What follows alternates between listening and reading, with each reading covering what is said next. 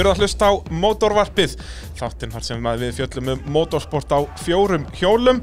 Ég heiti Bræði Þórðarsson og með mér í stúdíón í dag, já ekki í fyrsta skipti hérna í Nóa Sirius stúdíó podcastofarinnar, er eh, Kristján Einar Kristjánsson. Fyrsta skipti í Motorvarps-stúdiói Nova Já. Sirius stúdiói podcastöðurinnar Akkurat, eitthvað svo leiðis. Eitthvað svoleiðis. Það er nú er þú að fara alveg í annan mikrofón og allt og er búin að svissa þessu öllu upp, sko. Já, já, Það er hérna, við náttúrulega erum með, með podcast sem heitir Pitturinn, mann sem að við tölum um Formule 1. Uh, við ætlum ekki að gera það hér í dag. Nei, þú ert búin að, búin að tala um þetta svolítið lengi Já. Að fara að gera þetta. Það er En að- við endum alltaf að tala um Formule 1 ef við hittumst. Já, sko, það er náttúrulega mikil synd að við séum ekki að tala um Formule 1 Það er einfallega bara vegna þess að þú komst ekki í Formule 1 Það er rétt. Það er ástæða fyrir Það við erum ekki að fara að tala um Formule Það er 1 rétt ah, Ok, herru, frábært klukkan er nýju og uh, það er strax búið að skjóta mig djúvillastu Já, já, það er bara, já, það tók mig ekki, það er ekki komin mínúta á klukkuna, sko. Þetta er bara, þetta er ástæðan fyrir að fólk annarkot elska þig Nei, ég segi Mótorvarpið að sjálfsögðu bóði AB varahlutabíla.sins tækjaflutninga Norðurlands, Yðinvjala og Bíljöfurs og Bíljöfur frábært bílavestæði á smiðuvegi 34 í Guðlugötunni hann á smiðuveginum þannig að þú þarft að kíkja, kíkja um bílinn í viðgerð eða bara yfirhal- yfirhalningu fyrir eða eftir skoðun. Þá er maður að gera að kíkja upp í Bíljöfur. Þeir að sjálfsögðu sérhæfis í amerískum bílum en þó ég gera við allar gerðir bíla bæði stóra og smáa. Og Bíljöfur þeir spyrja alltaf að spurningu dagsins. Ég ætla að henda þér bara beint í það Kristján Einar áður en við förum að fara yfir ferilinn. Og spurning dagsins er Hvað voru margir verðandi Formule 1 ökumenn að keppa í bresku Formule 3 seríunni árið 2008? Verðandi Formule 3 menn F verðandi Formule 1 ökumenn. Nei, ég ætla að segja það, að segja það. Um, uh, Hæmi, Brandon Sergio Pérez uh, Ég var ekki bara þessi þrýr Ertu líka að taka reynslögum en eða? Nei, sem að keftu í Formule 1. Er ég að glemma ykkurum? Já, hvað er loka svarið? Þetta eru það þrýr. Hæmi, Brandon, Pérez Eriksson Eriksson. um, Já, það hefur þá verið eitthvað sem var ekkit sérstaklega merkilegur sem ég er að glemma held ég Það er hár rétt þér. Já, En þeir voru sem sagt fimm. Já og tveir í viðbót sem voru reynslögum Já, ok. En fymti er að sannsögum Max Tilton. Ah, Hann Ég syns það ekkit sérstaklega Nei, merkilegur hann náði þarna tveimur tímaböllum á Marussia.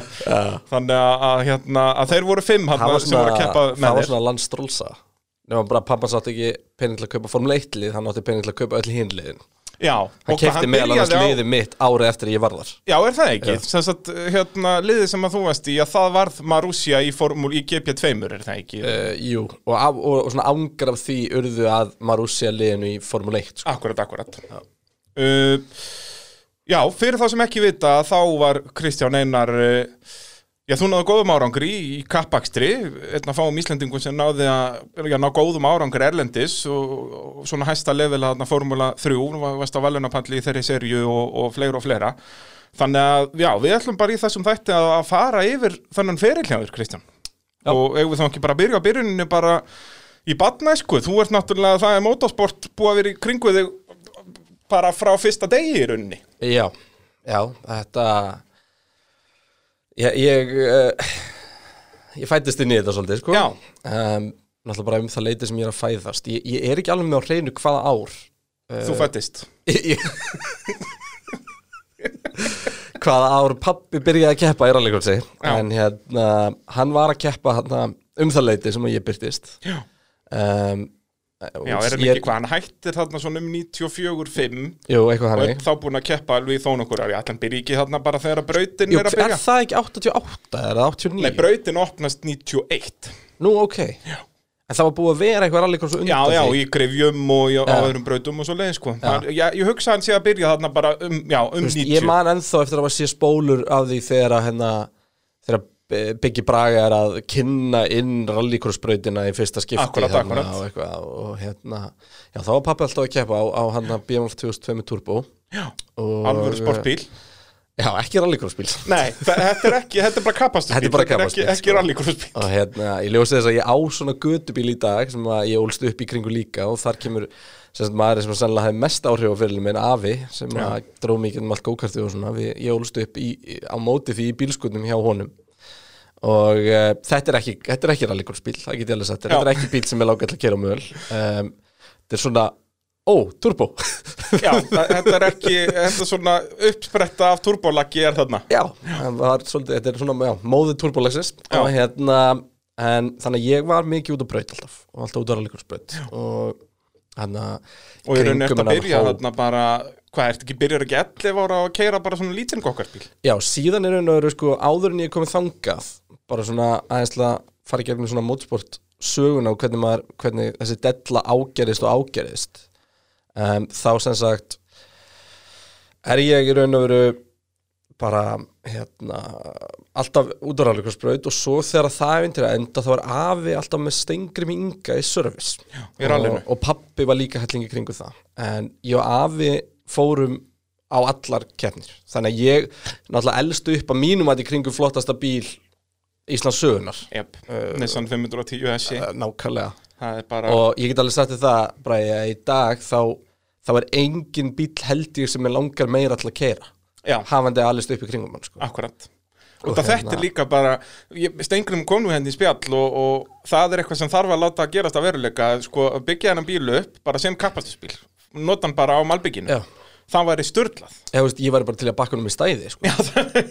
það væri bara draumurinn kominn. Já, og hérna og þú veist, og þetta þróaði svona úr því að, að maður hafði ekkert verkefni maður hafði verkefni þar Já. uh, Afi hefur reglulega með það að sem sagt, Stengrum vildi alltaf taka átaksmæla okkur einustu felgabolta eftir hverju einustu lið og það var mitt jobb sko Já, þú varst með átakskafti hérna, hefslumælin. Já, í keppni var ég líka hérna, var ég fyrirfram komið það jobb að, að þrýfa rúðuna Já, komið á leið Ólinn. og á fyrstu leið þá voru tveir fuglar á rúðinni þannig að ég allt í einu bara eitthvað þarna átt ára með, eða hvað sem ég var með æluna í hálsinum og tárin í augunum að þrýfa einhverjar skóaþrasta garnir af framrúðinni Ekki flugur, sko, fugla. Já, Þetta þú veist, er og hann var ennþá fastur undir rúðufyrkunni eða eitthvað svona sko. enda náttúrulega, þetta er náttúrulega 70 Statsun, sko, þannig að framrúðan er liggur við í 90 gráðum, sko, þannig að það er alveg skiljalegt að Þetta er ekki bara að hendast yfir nei.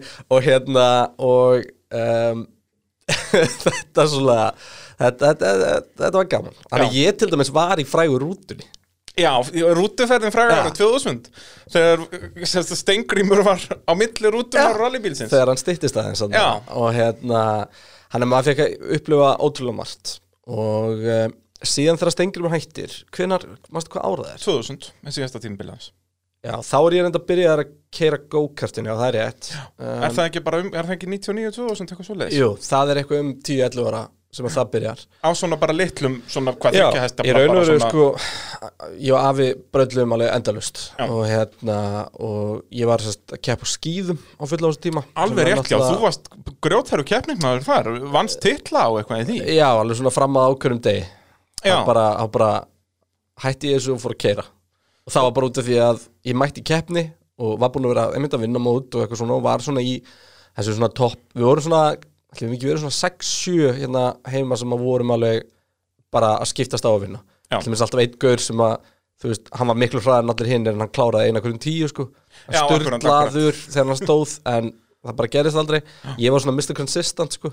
Þannig ég, þú veist, vann alla keppnir sem að einhverjir, þú veist, tveir gerum mistök í sko. Akkurat, og svona var að palli alltaf og var alveg að safna með titlum sko. Já Og er þetta bara þegar þú ert, hvað, bara 9-10 þetta er, ára? þetta er fram til, fram til 14 okay. svona, við erum að við erum svona akkurat þetta þannig aldrei fyrir úlingarlandsliðið þegar ég fyrir á Já. landsmót fyrir norðan og uh, þá var ekki búin að neitt snjóri Reykjavík og mér var pakkað af, þú veist, dalvíkingunum og sigtfyringunum og, og Já, sem akureyringunum voru búin að vera að æfa sig allan sem voru bara að æfa sig bara í marga mánuði sko. og hérna, og ég bara, nei, glemt svo þetta er bara ekki, þetta er ekki læg Það bara vantar snjó. Já, það var bara engin snjór á höfuborgsvæðinu Þannig að blessunlega þá bara gerist það og, og hérna og ég sérst fyrir alferði við gókartið en, en það er aðeins setna um, Já, þannig að tíu, tíu öllu ára þá vorum við og afið mitt með mér í því öllu. Já. Þú veist, hann bara uh, ótrúlegt hvað í raun og veru hann hafði mikil áhrif og á allt sko. Það er bara og amma saman sko.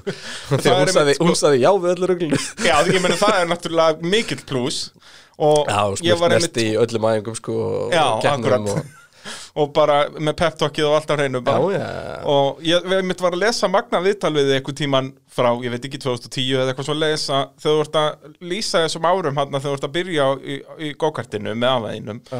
Og þá, sérst, þetta var bara þryggjaðastafla einhver pingul Þetta var bara, sagt, Einar í eti hafði átt einhverja körtu leigu. Já.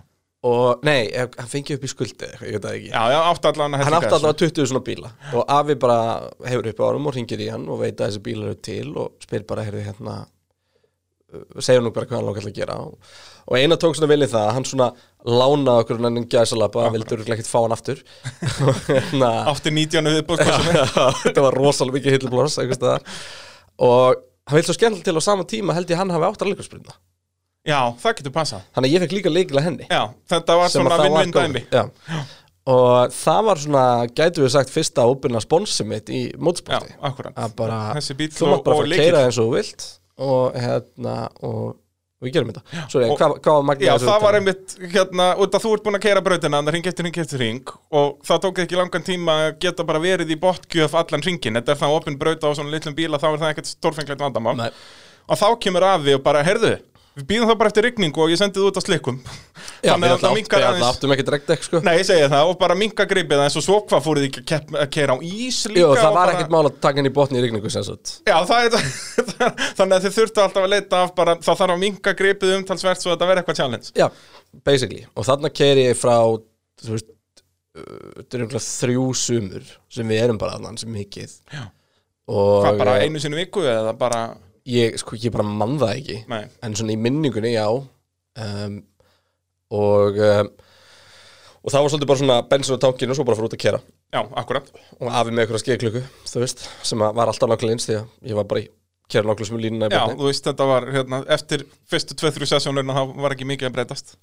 Nei, þannig að, já, þannig að næst fyrir við og kerum einmitt í ís. Og þá verður þetta challenge. Og þaðan kemur eiginlega allt karkontrólum mitt. Já, og það er eitthvað sem bjó með mér því að þú veist, þegar ég kem sem rúki í Formule 3 erfitt. Já, þegar kom rigning ekki erfitt. Veist, ekki, það var ekkert erfitt að vinna hérna. Og allt í hennu var þetta bara annað leikur sko. og hérna, En ég minna, fara á ís, var, var það bara snjóra á brautinu eða fóruð út á svell, bara upp út á völl? Nei bara á brautina. Já, bara á brautinu, bara það er allt, ef það verður á vetna verður þetta bara, veist, þetta er bara svo mikil hálka Já, á já. bæði þessari braut og, og út í hérna, Keflavík, já, nei, og núna á nýju nei, hérna, nýju út í kvartmilu kvartmjölubrautin hún er alveg bara hún getur verið frosin bara miklu lengur. Ég veist, þetta verið fengið eitthvað í eitthvað svona auglýsingadót og eitthvað þar. Og það getur, þú veist það er ekki bara hálka í bænum í, í 2-3 vikur en það er samt fljúandi þar upp frá. Er það ekki líka bara út á Malbyggi, er það slétt og svona, verður Jú, það er svolítið svona lægðum í henni hún, hún, er, hún er hættuleg og ætlar svona að vera eitthvað í kringum svona mörkin Já. Þannig að já um, En svo sem sagt fyrir utan þetta þá er, einn, einn maður sem að tók mér svolítið svona bara arminn þegar að, þegar að hérna þegar að rallyæfuntir hérna hjá Stengri með hættir Já. það er, það er Guðni Þorbjörns Akkurat og Guðni ég hef svo sem aldrei vita af hverju sko. Þú veist, af hverju hann nefndi að leifa sem pjaki að vera með en að gera það, því að við kynntumst bara sérst, hann kynnist bara fjölskyldinu þannig í, í sörfusnum hjá Stengri sko. Og hann, þegar hann er að kóa með honum Já, og og hann keppir síðustu keppnin á þessum bíl hann bara held í fyrsta keppnin 2001 einmitt. Og hann að, ég er að fara með honum á þú veist, Holmavík og Höfn og, af þannig er hann náttúrulega helling að- bara að vera keppnistjóri og vinna við keppninar sko. Akkurat, Og við erum alltaf okkur í gullindu í Jari Að gera gott mót að gera gott mót sko. þannig að uh, og þú veist, ég fá að keira og eitthvað svona, þú veist, alls konar bara ótrúlega og, og fylgdi mér síðan al, alltaf áfram og hoppaði með hennar inn þegar ég var að keppa og, og lísti keppnunum með, með valla og svona þegar við þurftum að greiða allt sjálfur og bara endalega stunningur og, og, og þakklætti þá áttina sko. um, En Hann hvað, svo byrjar að keppa þarna, hvað, ertu ekki 14 ára?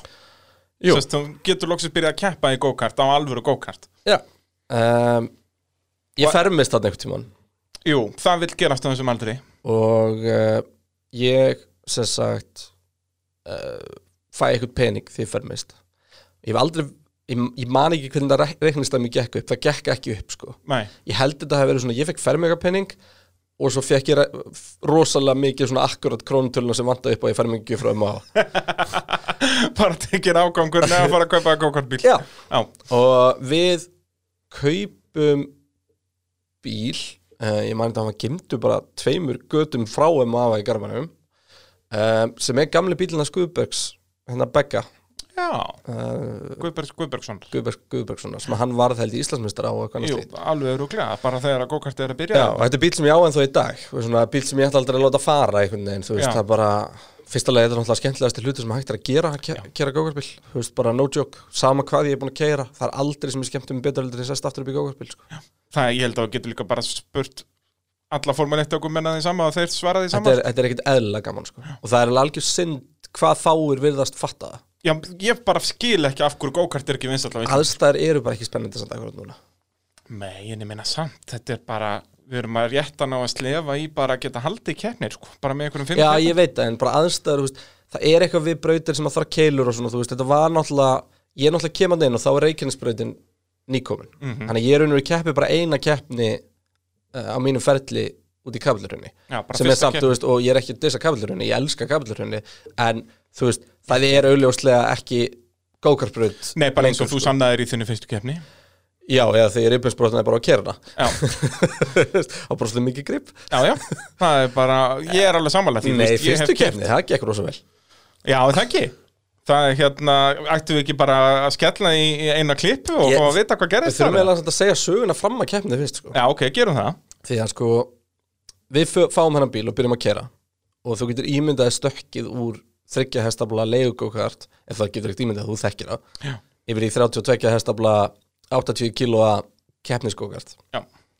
Og hérna Og þannig að það var bara æft Og ég meina við, ég held að, að það sé alveg óætt að segja að, að að við lögðum mest í þetta ég meina öll fjölskyldin á baku mig afi alltaf með mér, pappi mikið með mér þú veist, það hérna við lögðum rosalega mikið í þetta útgerinn alltaf flott, skilur bílinn alltaf flottur og, og hérna en þú veist, þetta var ekki eitthvað rugl, þú veist, það var ekki verið að dæla peningum þetta eitthvað þannig Nei, nei, Þú veist, bara þið, gerðu þetta eins flott og þið gátu Já, við vorum ekkert í þeirri stöðu sko. Nei, nei, þannig að hérna, þetta var gamall bíl og svona eftir að higgja hefur hann alltaf verið grindaskakkur og Já, þú já. veist, það er svona alls konar í þessu sko.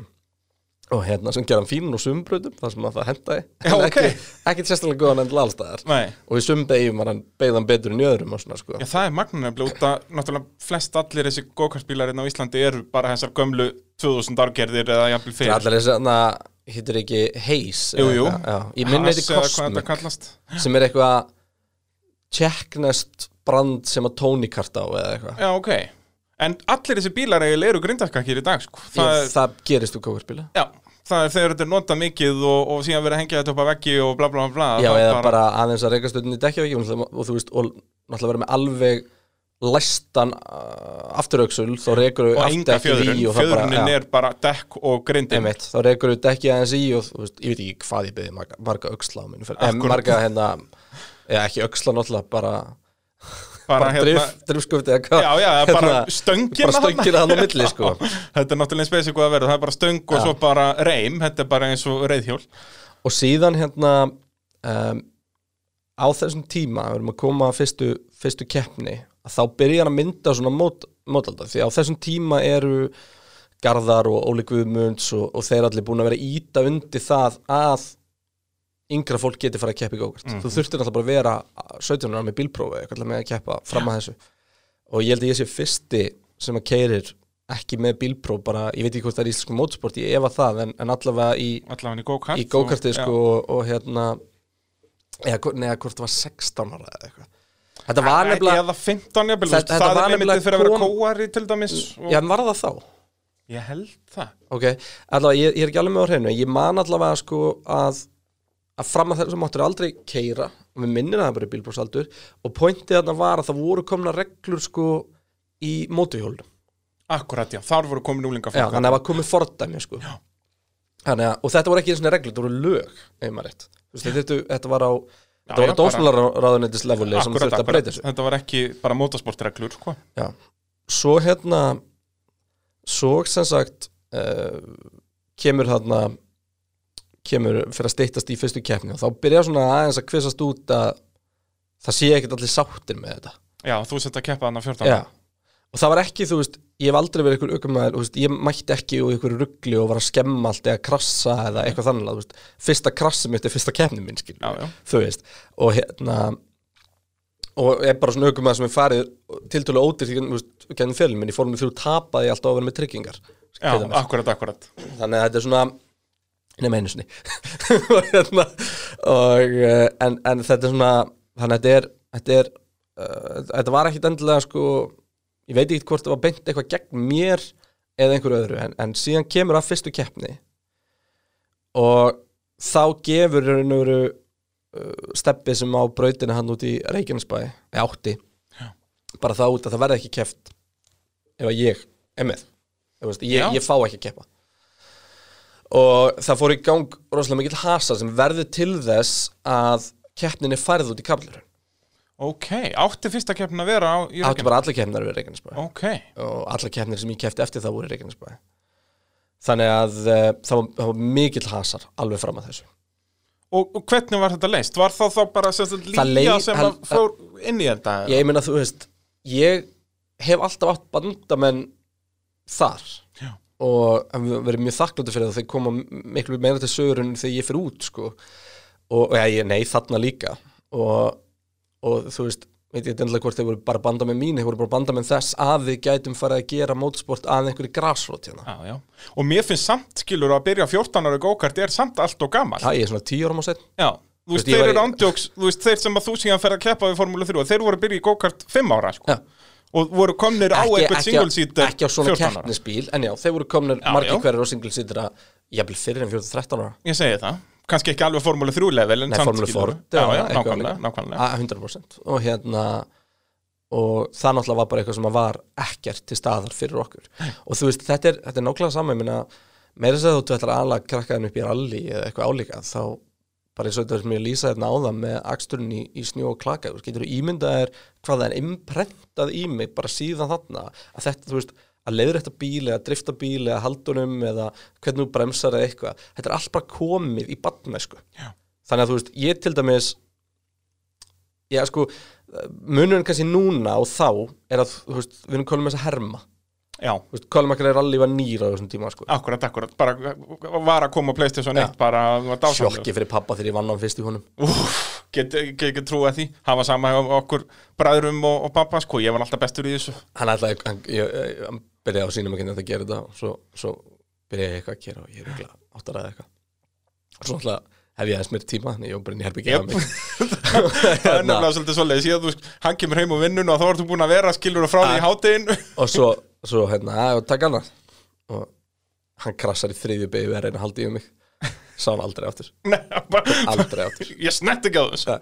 Og ég Þannig að svipa gæst eitthvað með gókarbílinn, hann snýr honum í þriðju beigju þannig að kenna mér eitthvað, hann reyndi aldrei að kenna mér eitthvað en það er alveg rétt, hermannir eru náttúrulega mjög góðir hvað þetta varðar í ég var um dag, þetta í gær með fjárra gauta minn í, fanginu og Já, á bara í go-kartbíl iRacing og nei, eitthvað? vorum í Gran Turismo reynda bara. Já. og ég held honum bara í 50 og bara kennum að halda bílum á brautinu Akkurat, akkurat, þú að pendulunum hann á stýrinu. Já, þetta var til þess að neita að frá að sofa og svona Já, skemmtilegt. Þannig að þú ert bínu þreyttur einn dag. Ég er rosa þreytt Nei, nei. En hérna, þannig að já, þannig að þetta er nú leiðin svolítið að þessari fyrstu keppni. Og, og þannig að já, það var búið að vera og náttúrulega á þessum tíma var maður vaknandi allan nætur að horfa á formúluna með afa og það var bara svona heilu stund skilur Já. og hérna og, og endalist bara á mótsporti og fá að vera inn í, inn í ég mann þess að einhvern var að smíða honduna og verið rosa mikið með afa þar. Og maður reyna að finna grömtla léttan hinga og þangað og, og þú veist maður búin að vera í kringum þetta alveg bara endalust og Þannig að það var alveg sagt, ég held að flestir tengi við það sem voru að horfa til dæmis á Formule 1 og þetta, þú veist, í kringum 10 ára og þetta að, að það var bara markmið að vera heimsveistar í Formule 1 já, Er það ekki? jú Og náttúrulega að keppi go-kart og allt þetta þá bara, ég er enda var alltaf með smá hliðamarkmið ok. Veist, ég hef alltaf haft það rosalegt swag fyrir Le Mans. Alveg rétt, já, ég að Og- setja ykkur í viðtali og í raun og veru, við komum kannski inn á setna þá er ákveð mistök að hafa ekki tekið bara stökki þangað og hugsa með sér að, að Formule 1 væri Bara kannski of stór biti. oflangstótt svo draumi því ég trúi því ennþá að ég hef getið verið frábær Le Mans ökumæður sko. Og þú talaðir einmitt um það í þessu viðtali sem ég var að lesa að líkansbyggingi þín náttúrulega hendar frekar vel í þólagstur Já, þú veist, ég er náttúrulega sko, er í, í alveg keppnistandi þá er ég alveg 80 kíló Já, já. Og á þessum tíma þá voru Formule 1 ökum en 60 kíló sko. Já, og þú náttúrulega ert hávaksin með Já, 183, ris Já, andjóks, það er risi. Menna meðal Formule 1 okkur með er kannski 1.69 Það var alveg fyndið að maður lendi í einhverju, einhverju samstöðu eða eitthvað og gætt maður alveg verið ógnandi á þess að gera neitt Já. eftir á sko. Þú horfir niður á alla. Já, það var svolítið þannig í beitum sko. akkurat, akkurat. Uh, Fyrsta keppnin, hún er þá í, í kapillraunni eftir allt þetta fíasko þarna sem var þá leist af Lía, þú veist, var það hvað Garða Gunnars og Óli Guðmundsson þeir sem voru þá aðalmenninir þar í, í Lía á þessum tíma? Já, gott ef það var ekki. Jú, jú, þeir voru aðal þá. Jú, jú, og Garða var, var með mér hérna í fjölmjölum eftir þetta og, já. og minnir hann að mér sem verið keppni stóri á flest allum þessum keppnum? Gott ef það var ekki. Það getur verið. Uh, eigum við þá að hlusta á smá klippu og, og vita hvernig, hvernig þessi fyrsta keppni byrjaði yngsti keppandinn, Kristján Einar Kristjánsson, stóð sig afburða vel þanga til að bílinn hans gaf aðeins eftir. Kristján, þetta gekk alveg frábærlega hjá þér. Það er er. Ertu búinn að stunda þessa íþrótt lengi? Frá februar. Þá byrjaði svona aðeins að æfa og svo fór ég út á braut til að steppa hérna. Maður svona í það mánuði senna. Kom þér á óvart hvað eh, þér gekk vel? Mjög. Kanntu einhverja skýringu á þessu? Nei, bara ég er búinn að æfa mjög, mjög veist, örgulega bara áleika mikið allir aðeins, ekki meira. Ég er hann að öftast á brautinum einu svona í viku, kannski tjósar. Já, æfingin skapar mestaran, en hann fekk sína eldskýrn þegar að hann var inn í hópi annara manna. Kjæðjan fór af hjá Vigni Guðmundsinni á bílnum 39 í blind beigju og ekki var tíminn til þess að veifa gulum flöggum og því lendi Kristján Einar Kristjánsson aftan á Vigni. Og það var ekki sögum að spyrja bílinn fór hring. En örgisbúnaðurinn hjálmur, hálskræði, hanskar og bakbrynja bjargar honum hér auk þess sem albyggið er það slétt að hann rennur eftir í. Eins og sjá má að þá kemur hann niður á hendurnar og hökuna eiginlega fær bílinn í bakið. Bílinn er um 80 kíló. Hann fær eh, um það vil helming af þeirri þyngd ofan á sig í þessari veltum Já, byrjaði á að velta gokartbílnum ja, Eldskil Þetta er hérna Og sko, það, það merkilega við þetta, þetta var ekki svona bílum minn. Nú er það svoleiðis? Nei, þetta er hérna um morgunin þá, þá fer mótorinn í körtunum minni. Ok, og bara í morgunæfingunum. og hann er að það voru góður á dýr, og við áttum fullt af vinum og fullt af stundisfólki og fullt af fólki sem var ánægt með okkur. Það var alveg fólk sem var óanægt með það sem vorum að gera. En það var fullt af fólki sem var ánægt með okkur. Já. og hérna Tóti uh, af Sönesunum sem voru að keppa í rally og eitthvað indislegur náðungi um, ég man ekki hvo- hvort hann var reynilega keppnistur að nefnt hvort Það það var eitthvað svo leiðis kemur til okkar þegar bílinn er, er alltaf rónýtt. Ég á bíl. Hún bara, alveg Og er þetta bara hvað, kljóðan tíu um morgun Ja. Já, þannig að það var bruna út í, í keflaðið að sækja hann. Og kom með hann. Og ég bara beinti tímatökur á honum. Já ok. Eða hvort ég einu sinni náði tímantökum hafði aldrei kert bílinn, var ekki búin að stilla upp fyrir brautinni eða neitt og er á honum, hann, er, hann bilaði eitthvað fyrir umfyrinni því að hann hafði verið reyfður Já, bara árið eitthvað, akkurat, akkurat. Og hérna og svo svo veldu við honum hann í, í setna hítinu, en mér var að ganga vel sko. Já, já, þú varst að vinna þig upp bara varst í ég veist að gæti líka alveg verið að ekki verið lóða á þessum bíl sko. Já, svoleiðis, ég, já, hefði komist í gegnum kenniskoðan eftir á sko, ég man það ekki Nei, en hérna, hvernig var svona stemmingin í, þú veist, fjölskyldaðin hlýtur að verið þarna og eitthvað, þú veist, þetta var alveg, þetta leit ekki vel út eins og Birgir var að segja í þessari klippu, þú lendir raun á hökunni, á hjálminum, bara Já. faceplantar á malbyggið. krakka meiða sig sko. Ég segi það, þetta er bara eins og þetta eftir rólu. en hérna, En ég minna var alveg, allir bara, heyrðu, já, já, bara ég það var svolítið lítið að skinni á njánum á mér Já, þú rennur náttúrulega með frá malbyggjuna þarna alveg vel. Og það voru svolítið margar umbúðaskiptingar af einhverjum gulum hörnum vökva og eitthvað svona dót en þú veist, þetta var ekkert eitthvað alvarlegt. Nei, nei, það er ekkert, þú braust ekki neitt. Ég man satt alltaf eftir, ég kom på spítala. Það var, var pínum svona traumatizing á þessum aldrei þegar að það er bara tekinn tambusti til að þrýfa sárin sko. Já, það var bara sulla spritti og tambusti Í, bara á Já, hnjaskeiða. veist, það var bara, bara endurist einhver grjóti og einhverju föst í sárin það var ógeðslegt Já, en þú ferð sérst með sjúkrabíl upp á spítala um Nei, ég þurfti ekki að fara, ég held ég í sjúkrabíl Það Nei. var náttúrulega bara sjúkrabíl á brautinni Akkúrat. Og þeir bara kíkja á mig Og passa upp á þessi engin höfumeðsli og eitthvað svona dót Og svo bara er nú sennilega betra að fara þessu upp á spítala Já, sérstaklega bara út af sjálf, sárum sko. Þetta var náttúrulega frekar svona ógeðslegt Þú er náttúrulega gallin rifnaði allur og, og Já, ja, gallan var ónundur og, og hérna og til dæmis í dag ef ég keri go-kart þá er, er ég galla sem miklu líkar í mótjóla galla Já, það er akkurat. veist, það eru go-kart gallar Já, já, og það er, semst, þeir eru með rauninni inn í sér þó, þó að klæðið ekki axlabrinjur og, og nýpúða og, og þú getur lent á höndunum og, Akkúrat, og svona. akkúrat. þannig að hérna, en það var ekki þannig Nei. og uh, En þetta var náttúrulega eins og við vorum að tala um áðan svolítið ástæði fyrir því, kannski á eina ástæði fyrir því að það var ekkert keftan í gókarti eftir þetta er að, út af þetta er svo blind braut. Í, Þetta er ekki, ekki hendar ekki það, vel í líka gó- eft- fyrir gókart Nei, en eftir þetta þá fer að stað hellins umræða og mamma þurfti á þessum tíma svolítið bara að vera með mér í fjölmjölum að svara fyrir það að hún var ekki vond móður að lefa bandið svona að gera þetta.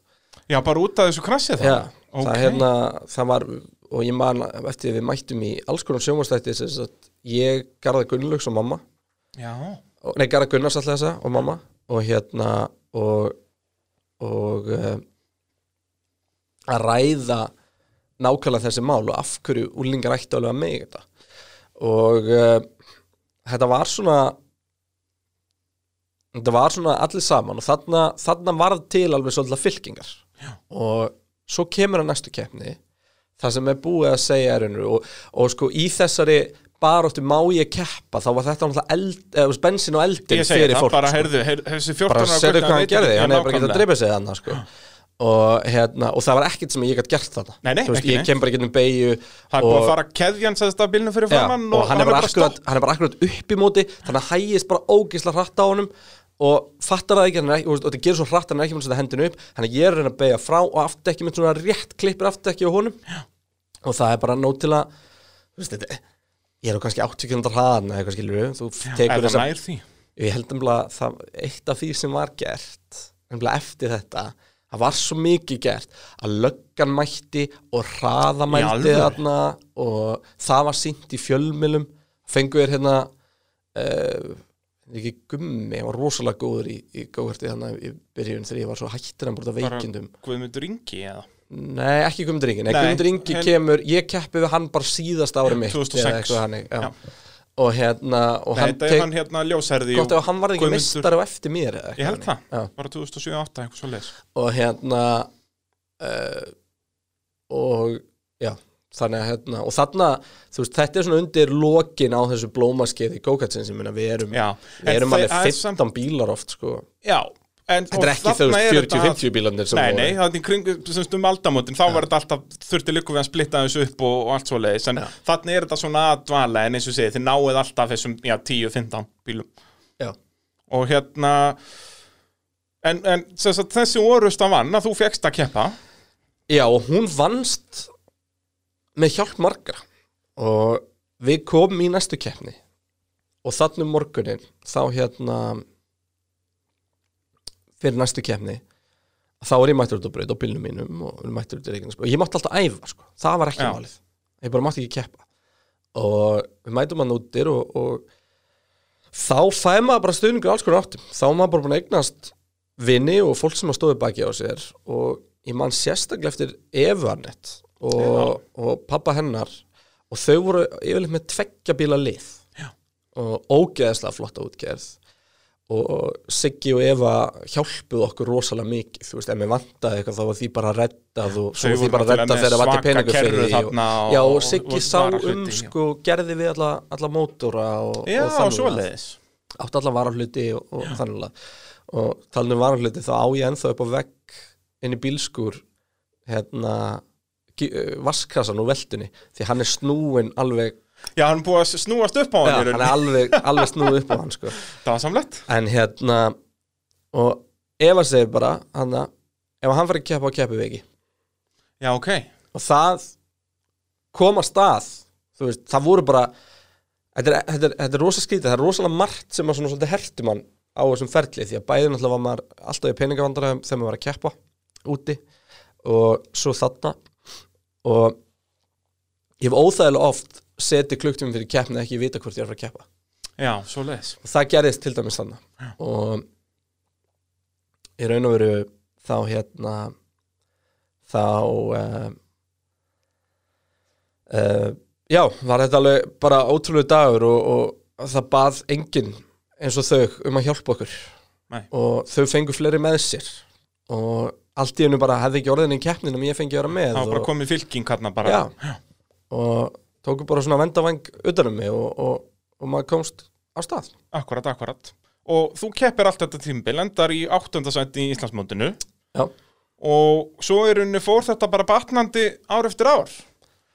Já raun og veru. Og við lendum í rosalega mikið af bílunum. Já, um, það var mikið, mikið um, um þannlað og, og hérna. Og uh, svona á þriðja tímabili var sannlega tímabili sem þetta að- að vinna. En það sem gerist á þessum tíma er líka bara að, að það er svona ímyndslítið í gangi í mínu lífi. Og bara svona andlega.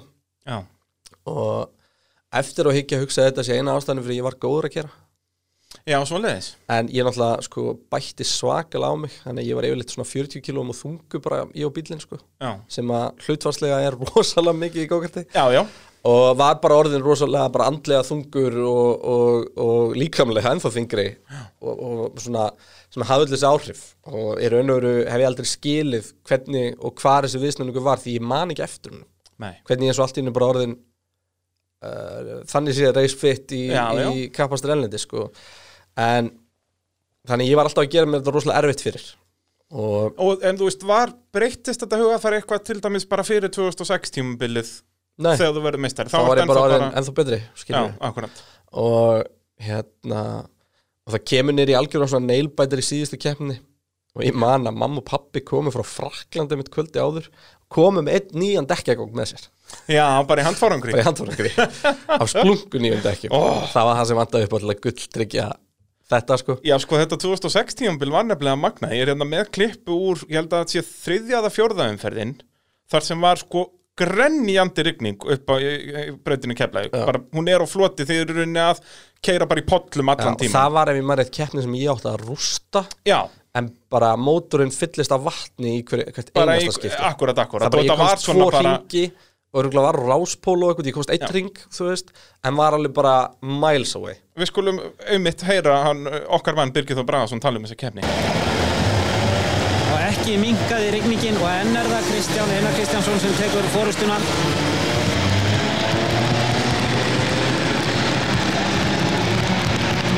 Kristján var að aka hraðast á uh, sunnudaginn en bílinn var hins vegar að uh, hrekkjan svolítið. Vatnið hefur uh, engin áhrif á kveikikerfi þessara bíla en getur hins vegar valdið því að uh, loftreynsarinn stíplast en er Kristján fyrstur og allt í einu þá lemur hann í stýrið. Og það er vegna þess að það er komið vatnin í loftreynsarinn og bílinn missir afl. Og nánast ekki afl hjá Kristjáni og hann missir hvern keppandal og fætur öðrum fram úr sér og ákveður að koma inn í viðgerðarsvæðið Kristján er vel stuttur af fjölskyldu sinni, Avans er vélstjóri og sér um bílinn. Pappans var á staðnum og gammal kunnur rallykappi og byrjaðasmiður Stengrimur Ingarsson og þeir hella hér úr loftreinsaranum og hrista vatnið úr á meðan akka aðrir keppendur fulla ferð. Þannig eru þið svo bara búin að lifta bílum upp á rönd og eru svona að berja í loftrensarand Veistu, og ég- það var bara kom pollur úr honum ég er bara enn á að sára heyra þetta ég man ennþá hvernig mér leiðan því að þannig var fyrst sigurinn held ég ekki komin sko. Nei, það, hann hérna hvað hétt hann sem vann fyrstu tvær? Sigurður? uh, nei, var, Sigurður ekki Ar- Ragn, Arnljót. var ekki Ragnar Þór Ragnar Þór Arljótsson eða ekki Já. hann var búin að vinna fyrstu tvær Já. Og var í góðum málum þarna en hann nefnitt er líka í vélavandræðum. Þetta var bara hvaða bíl bilaði minnst í rauninni, Já. það var sá sem stóð upp í sem söguvegari og þarna, þú veist, þarna ég manna mitt eftir þessari keppni, þarna átti ég bara að baka hana, sko Já, þú varst hraðastur í tímatökum og Já, varst ég, yfirlega ég held hraðastur ég hef bara verið með í sekundu á 28 sekundar ring, sko Já, ok, hann var ekki 28 rigningu en, en hann var eitthvað aðeins meira Já, já. En þú veist, Og er mitt kom ísaksturinn sterkurinn og þarna er 100%. brautin bara þið eru að aquaplana ón á vatninu 80% af hínu þetta, þetta er þetta, þessi tilfinning ég er að fara að krassa, ég er að fara að krassa, ég er að fara að krassa en þú veist síðan hann grípur alveg á réttum stað, sko Já, þú Og hérna- treystir því að Já. er eitthvað að gripa þinna Einmitt. og þetta var fyrsta alveg rigningakefnin mín og ég hafði eiginlega ekkert keirt í rigningu því ég átti aldrei regndekk Já, svoleiðis, þú hefðir ekkert verið að æfa því í Nei, rigningu ég en átti á einhver- ég átti eitthvað regndekk sem að voru sem sagt hefur verið flutt inn fyrir ísakstur. Þetta er fyrst skipt sem ég keppi á regndekkjum og keiri bara Já, þannig sem ok. okay. regndekjum góðurbílum minn sko. sem að segja mitt hvað þessi þessi grunnur á sínum tíma hafði gert mikið fyrir mig sko. Og, og til eins og ég sagði, þú veist, við vorum ekki með einhverjar stóra fjárhæðir í þannig séð og ég er ekki að segja að þetta hefði samt verið eitthvað bara, í svona bílinu fyrir út að keira sko, við vorum virkilega að æfa en, en þegar ég mætti á æfingar var, voru aldrei notuð einhver dekk sem einhver senskilu, við vorum Nei, bara nei. á einhverjum, einhverjum dekkjum sem maður þurfti að fara inn í gám og reyna að finna einhver dekk sem voru svolítið vel kringlót Já, það, það var bónus ef það voru kringlótt Já. en þetta var allt grótart og ógæðslegt því þetta var nógu dýrt án þess sko, bara mæti allar þessar keppnir og, og náttúrulega bara, veist, ég er bara krakki skilur, veist, Já, ég er ekki á launum hann þannig að þetta er allt, allt borga af, af ömmu og afa og, og hérna, og síðan nokkru sponsorinn enda líka. En, en þú veist, það er upphæði voru ansi litlar, hins vegar var ótrúlega mikið af fólki svona í kringum okkur sem hjálpa okkur, krummi til dæmis sem var hérna í, torfærun og svona, Akkúrat. hann sprauta alltaf bílinn, var oft með okkur, hann var með með til mér þannig því ég velti. Já, ok. Og, og hérna og eh, Svona, þú voru að fá greiða hérna það Já, Stengrimur kom og þjálfaði mig svolítið. Já. Vandamáli bara var það, ég var svo ungur og vitlaus að ég kunni ekki að meðtaka. Já, og hérna, það er svona, ég sé ennþá eftir því. Já. Og hérna og það er eina skipti heldur sem ég gæti af með fúlar út í mig Það er svo leiðis bara, og, hvað, var þá, hvað, þið þrýr bara upp á braut og stengur mér eitthvað að reyna að gefa þér tips og þú ekkert að hlusta á hann Þetta eða? gerist held ég hjá öllum ungum mótsporti og þetta er ekki eina 100%. skipt sem það gerist á fæðlunum mínum þar sem að ég taldi mig vita nóg þú veist og hérna Ég held að allir og ungir okkur ég ekki eitt þetta sko. sem við komum að glenna á eftir sem er miklu starra dæmi og hafði ótrúlega mikla bara afleggingar á lífum er svona var ótrúlega mikið vitundavakning í, í lífinu sko. en þannig er maður bara uppfyllar af testosterunni og sjálfum sér og að gera einhverja kúl hluti og hafa gaman og ná árangri og það bara fer hausinn svolítið Já. og þetta er bara, þetta er erfitt þegar maður Já, er þetta ungur Sko sérstaklega eins og við förum með yfir á eftir út af því á sama tíma þá þú verður að vera uppfyllur að sjálfu þér þú verður að marka Ah. þetta sjálfa þig veist, sem gerir þetta ennþá verra út af því að þá verður þá íkist þetta allt ennþá meira algjörlega og svo náttúrulega bara getur ekki verið á 300 km hraða og Monsa og horta á bílinn við hliðin og verður hrættið við görinn sko. Nei, nei, veist, þannig að hérna, þetta er svona þetta er, þetta er, þetta er svolítið skrítið. Og þess vegna sér maður og raun og veru ótrúlega gaman að sjá þessa nýju kynslu að formule 1 tökuminu með svo Landon Norris og svo gauðra sem að hafa þetta alveg. En hafa þetta svo enga veginn þegar þeir eru ekki í bílnum sko. akkurat, akkurat. Það er alveg indislegt sko. og ekki að fyrir ég svo sem þú veist, þetta var, þetta var meira kannski svona bara þá sem voru í kringum mig einhvern veginn en, en, en hérna, og aldrei eitthvað í fjölmjölum eða eitthvað Nei, nei, álíka, sko. nei, nei, þetta leit alltaf vel út út af við, sko Já, já, og þú veist, og þetta, er ekki, þetta var ekki eitthvað hræðilegt, sko, þetta Nei, var nei. ekki eitthvað slæmt Ég bara hefur svona oft notað þetta sem bara svona dæmi um eitthvað svona sem að þú veist, hvað til dæmis í mínu tilfelli skiptir miklu máli að hafa fólki mitt í kringum mig sem að gat svolítið svona bæði kiffmannir í jörðina en líka haldið utanum hann þegar að það þurfti sko. Akkurat, akkurat, bara keep you in check Akkurat, og hérna en já, þetta síðasta tímabil. Og síðan kom við 2006 þessa verður þarna semst, loksins Íslandsmeistari í, í go-kart. Já, og hvernig er þá, þú veist, haustið þannig 2006 búin að vera meistari. Er þá strax bara að fara í það, heyrðu, nú verðum við að taka eitthvað skref? Sko, á einhver tíman á tímanum, ég myndi þetta bara fyrir nokkurn dögum, einhver tíman á tímanum, þá fór ég í eitt svona dag, einhvers þar ellendis, uh, mér minnir að vera upp í Wolverhampton, á braut sem heitir Three Sisters, og kerði Formule Ford. Er það þá bara, hvað, sumari 2006 með að þú ert að keppi Nei, go-kart? hvort það er, er fyrir, svömmari fyrir. Ok, eitthvað. ok, En veist, það var ekki með liði, það var bara svona... Það var svona eiginlega bara ar- Arrive and drive dæmi, Já. sko. Og, og þið búin að leiði eitthvað svona formúlu fortbíl þá? Já, ég held að við heitið samt skóli, sko. Akkurat, En svona eftir á að higgja þá, þá var þetta meira hins eginn sko, ótrúlega gaman og, og klikku upplifun og, og hérna og þá var fyrst getið komast í að ég með allt stóra lappir fyrir kapháspil já. Og Sérst sérstaklega stórar þá ylir í rauninni já, bara svolítið langa lappir. Eða sérst já, fætur, Akkurat. skó, stóra skó. Og hérna, og sérstaklega á þeim aldrei þá var ég alltaf þannig að, að hérna, það var í fyrst getið sem að ég lendi í vissin út af því. En, hérna, en um, þetta er já, þetta er 2006 þá fæðast einhverju hugmyndir. Ég man á þessu tíma, þetta var alltaf klikkaði tími sko. ég man þegar hann Æsland Motorparkæðin kom að hitta mig hann út að brauta segja mig söguna, mæta á Cadillacnum sínum og já, talandi um A1G-piliði sem hann alltaf búið til og það er kannski bara, er ég í því ekkert tíma og er bara, bara, það var náttúrulega svakalegir draumar þar að, hérna, og hvað, þetta náði einni skoplustungu eða svo? Já, glæsileg skömmlustúku mjög glæsilega fullt af myndum og allt já, þetta sko, en, en ekki mikið meir en það.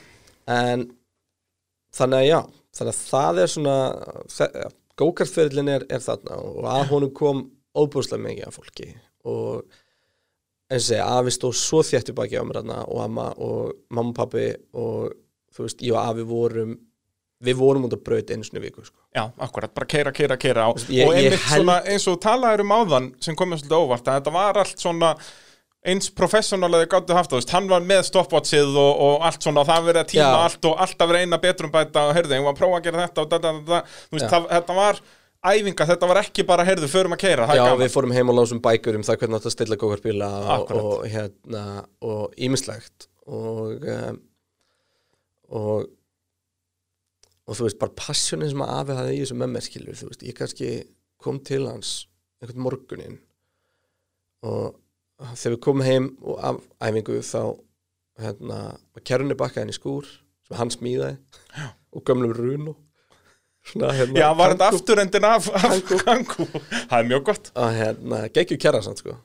Og með fjöðrun og öllu þannig Já, já, ég segi það, þetta er bara afturendin af, af Kangú og bílinn komin upp á búka og svo var baka. Og svo kem ég kannski morgunin eftir og þá var aðeins búin að dundi um alla morgunin Já, að búin að vera fínst Já, búið að, að, að, að þrýfa hann og búið að taka kertuðurunum og búið að hérna skoða ólíun á kúplingunni og, og þú veist uh, því að þetta var þetta var okkar dæmi. Þetta var ekki bara mitt dæmi, þetta var okkar dæmi sko. Og hérna og síðan í raun og veru eins og segir, þegar, þegar við fyrir að horfa til eh, eftir gókartsins þá vaknar held ég bara spurningin og hvað núna? Já, akkurat, og þarna er í rauninni margir möguleikar, ég menna á að bara kaupa rallybíl og keipa Íslandsmótun í rally eða þú veist næsta með brautarkappakstrum bílpróf.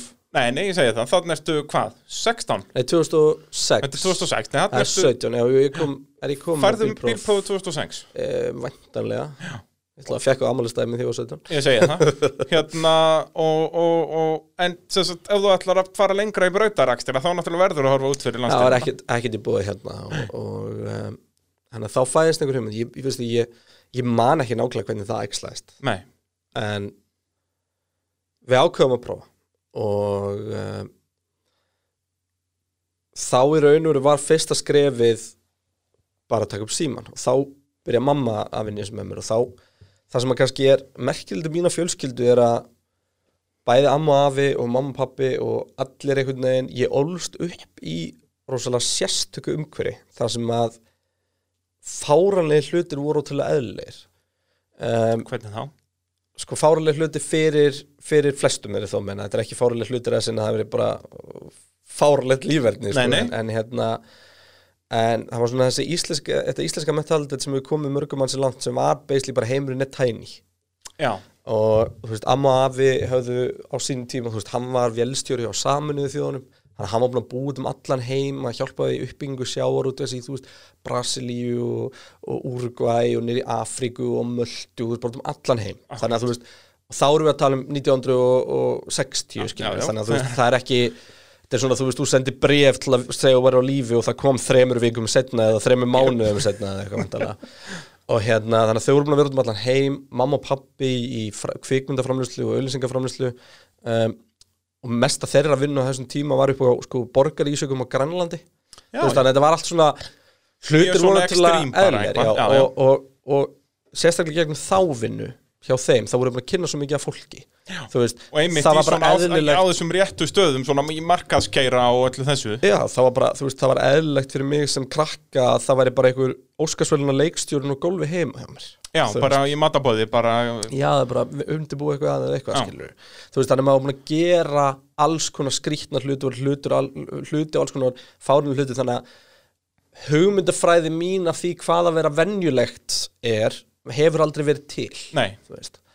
Og þannig að, við á einhverju tímpúndi þannig að förum að, að horfa, horfa út og það uh, byrja með því að, að við horfum til Bretlands enda það er það svona mekka motorsportsins. Já, og gott ef, jú, þau voru nýbúin að gera auglýsingu fyrir BMW á Íslandi. Já, hérna fyrir X3 og tengdust þar leðandi eitthvað inn í markastil BMF og mamma hefur sambandi BMF tengiliðin sinn þarna Já.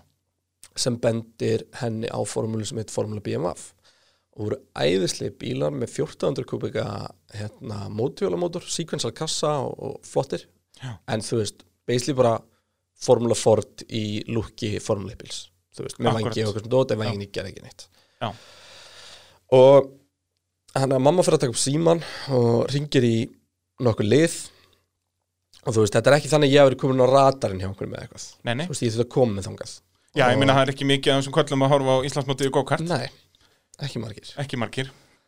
Og á þessum tíma múti hjálpa mér við Íslandingur því að þú veist þeir sem hún ringir í annarkvæmt halda þetta sé síma að þetta eru bara meist sko. Jep. og það eru tvö lið sem á endanum koma til greina. Og við erum að horfa á Breitland því að það er einfaldasta, einfaldasta og það er alltaf bara mekkan og magniða brautum og alltaf bara meika ekkert meira sens. Akkurat og það eru tvö lið sem kom til greina sem við erum að skoða undir restina annars lið sem heitir Double R Racing sem er í eigu Kimi Rækonen Já. og uh, heitir Antoni Robertson eitthvað Robertson, það er umbúrsmæðan hans eiga það saman Og áttu er það þarna líka þá Já, er áttu dag? það þá. Já, það heitir Rækonen Robertson Racing Já, sem ok. sagt Double R og hitt er Karlin og Karlin er sennilega sögufræðasta lið sem sagt Já bara, mótsport sögunar sko lower formulas í Englandi já, það er sko ef ég á að lista upp bara ökumenn sem hafa keft fyrir Kærling Motorsport að það er Kimi Räikkönen, Jenson Button, Sebastian Vettel, Daniel Ricciardo, Kevin Magnussen, Carlos Sainz og mikið, mikið fleiri. uh, já. Það er bara, þetta er svona, já, bara ég kemst ekki inn í Hall of. Fame listan allavega ekki þennan, sko, Nei. þú ert kannski á okkur um öðrum. Og hérna, þið eru að tala við þessi lið um að keppa þá hvað, í Formúlu 3 eða þessari Formúlu BMF? nei, þannig er alltaf stefnan sett á Formule BMF Já. og fyrst um sinn þá er var þetta bara Karlin með bíl í því líka? já, já, og þetta verður til þess að eftir eitthvað samtal þá, þá förum við um, á keppni, nei, við förum á keppni á Alton Park það sem við verðum að keppa í formúlu BMF og erum gestir Karlin með það sem er búin að ákveða það að, bara kaupa í testdag Já, já. og ég man ekki upp að hérna en ég man að þetta var sko við fengum ótrúlega mikinn stuðning fólks til að gera þetta og það var fólkur ótrúlegust áttum sem chippaði inn til að láta þetta gerast Já, bara vinnur og vandamenn bara, Já. bara Já. að tippa inn einhverjum 10-100 ásum köllum. Já þú veist þetta var, þetta var engin brjálaður kostnaður en svona heildarpakkin var einhver miljónur öglega Já, fyrir hennan eina testa. já og þú veist bara komast út og gera allt og, og þannig þannig að þú veist við fengum aðstóð og, og, og förum hana út og, er þetta þá sem sagt svona alvöru testaður að þú ert með engineer þarna Já, já, og þetta var allt bara, svona þetta var bara þetta var bara liðið að testa mig, þetta var bara fully blown testaður og bara Ok. við vorum með brautinni einhver leigu og hérna Og, og hvernig virkar þetta eins og þarna, eru það að horfa á þess að formúlu BMWF, búin að kaupa einhvern annan testdag, með þá, er, er þessi testaður með þessu liði sem að þið hefðu eigast að á, eða er Með þetta Karlin, með, já. þetta er með Karlin? og það er veru gerist bara út því að liðstjóri eða sérst annar liðstjórum Karlin eh, sem heitir Steve Holman hann var bara svo fastnett að sögunni og sko Steve Holman átti lið sem heit Bowman, háblunar mikið í Formule 1 hann er legend úti algjört legend þegar kemur að svona og, hérna, Og það var bara mamma einn sem að ringdi í þennan gæja, eða ekki? basically Já, og ef það er eitthvað sem ég get sagt við alla sem er annarkvæmt að leita sér responsi eða tækifæri með eitthvað álíka hægt að senda mail já, ringi fólk. Já.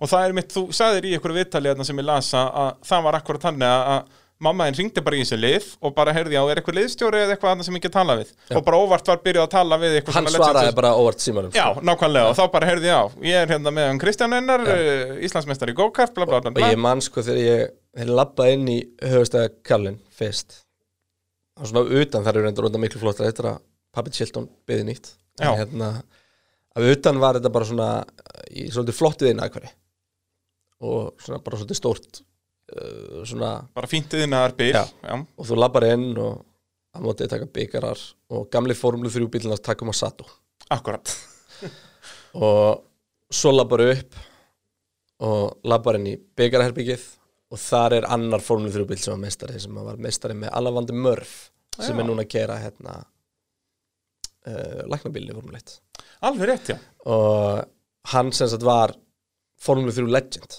það er strákur sem er bara geta orðið með þeim best í heiminum ef hann er bara tekið réttur ákveðinu lífinu sko. en það var held ég Suður-Afríku, ástæð, eða jú, ekki? ástæðan fyrir að sábílarna er held ég að, að hérna hvort hann ég held að aldrei verið stærri sigur í bresku Formule 3 Já, hann svona um að- rústaði bara tímbilinu Já. og þú labbar inn næri henni og þarna voru Formule BMF bílar, hann voru Formule Runo bílar hann voru Formule 3 bílar og World Series bara Runo bílar Út af þetta Carlin Motorsport er einmitt með bara e e hefur að keppa í öllum þessum Já, já, já, bara er, þú er aldrei í, í Formule 1 þeir, eða, þeir hafa rönnaðli í Formule 1 jú. Nú, ok. Já, og Trevor Carlin er gamli liðstjóri Jordan. Já, og svoleiðis fleiri liða Jaguar held ég Ok, og, ok. Og hérna, hann var bara aldrei held ég Eddie Jordan var business, hann var rönnaliðinu Já, hann var heilinn í rauninni, akkurat. Svo meira eins og liðstjórnir eru í dag. Já, og uh, og hann er algjört hann er algjört legend þegar Já, hann já. kemur að þessu. Og þeir voru búin að runnu sportbíla runnu hérna 2-3 ætt GP-lið fyrir alls konar lönd. Og, og bara heljarinnar Formula 2 lið. eða GP2 og er í dag til dæmis í IndyCar í bandaríkjónum og þú veist, þetta er, þetta er og hafa raunalegu mannbíla og þú veist, þetta er bara, þetta er klikkalið. Og, og ég man alltaf sko, þú labbaðir inn í höfustöðunar og þú veist, þetta var eins og labbin á skurðstofu þetta var svo flott. Um, hvern einasta bíl var allavega einn maður í fullri vinnu við að bara sjáum sjá um. Já. og það var ekki ríkotn á gólunum Nei. og verkfærin voru svo flott og þetta, voru, Allt þetta var alveg bara- það var allt eins og í Formule 1 bara nákvæmlega þú sér myndinar bara hvítu herbygging, hvítu veggirnir geggjar, kistu, innrýtingar bara líkum við þetta að gera við bílana á sokkalistónum bara. Já, þegar ég held að þú hafi verið inn í skóm sko, Já, akkurat. Þú veist og hérna og gjössanlega styrla og svo þess að segja, svo labbaði maður hann upp aðra hæðin og þar var þessi bíl og, og allir þessi byggarar og maður bara, wow, Hvert er í komin þetta er í komin Og, og hvernig virkar þetta? Þarna sérst eru þið búin að kaupa einhvern annan testdag með, með þessu frábæra liði. Og er það þá líka verið að horfa það sem eitthvað svona próf, heyrðu, ef hann nær þessum tíma að þá getum við ráðan sem ökumann, eða snýst þetta allt um peninga? Bara, getur þið keift ykkur inn í þetta lið eða er þetta lið ég held þú geta ekki keiftið inn í Karlin nei, þetta er þú bara þarf alltaf að koma með pening með þér já, en, en, þú þeir hafa ekki, bara úr nægilega mörgum að velja. Já, kannski minna í formule BMF og þannig heldur en formule 3 já, en en þarna var sem sagt, þetta var þá líka svona hálfkjart træjal já, já, og, og træjalið þarna snýrist held ég minna um hraða. Ok og meira um bara application. Þú veist bara hvernig, bara persónuleiki hvernig er þessi gaur? já, hvernig hagar hann sér? Hvernig hagar hann sér í bílnum? Tekur hann því sem er verið að segja honum? Getur við gert hann góðan? Já, akkurat. Og við erum að tala um, þú, þú nefndir nöfninu það, við erum að tala um gæðir sem er búin að þjálfa þetta lið skilur. já, já, og ég fer hann í fórlum BMF dag og það var mjög fyndið út í að mamma hafði alltaf verið í sambandi við, við hérna við lið, hún er alltaf Einarsdóttir og ég heiti Kristján Einar að ég kem á bílum minum og þá er íslenski fánin og Einarsdóttir. Og þetta er legendary mynd af litlu sýsti mín að plokka dóttir af og þannig festist að það stóð alltaf Einar á bílum minum sko. Já, alveg rétt já. og það var líka svona óðritt lafa en hérna en uh, þarna ker ég þennan rauða formúli BMF bíl. Já. Á braut sem heitir Pembrey sem er, er svolítið svona heimavellur og þú eru glæðið að sapna í gegnum formúli 1 pælingarnar í sögustundum og svona kemur þessi braut hans oft upp.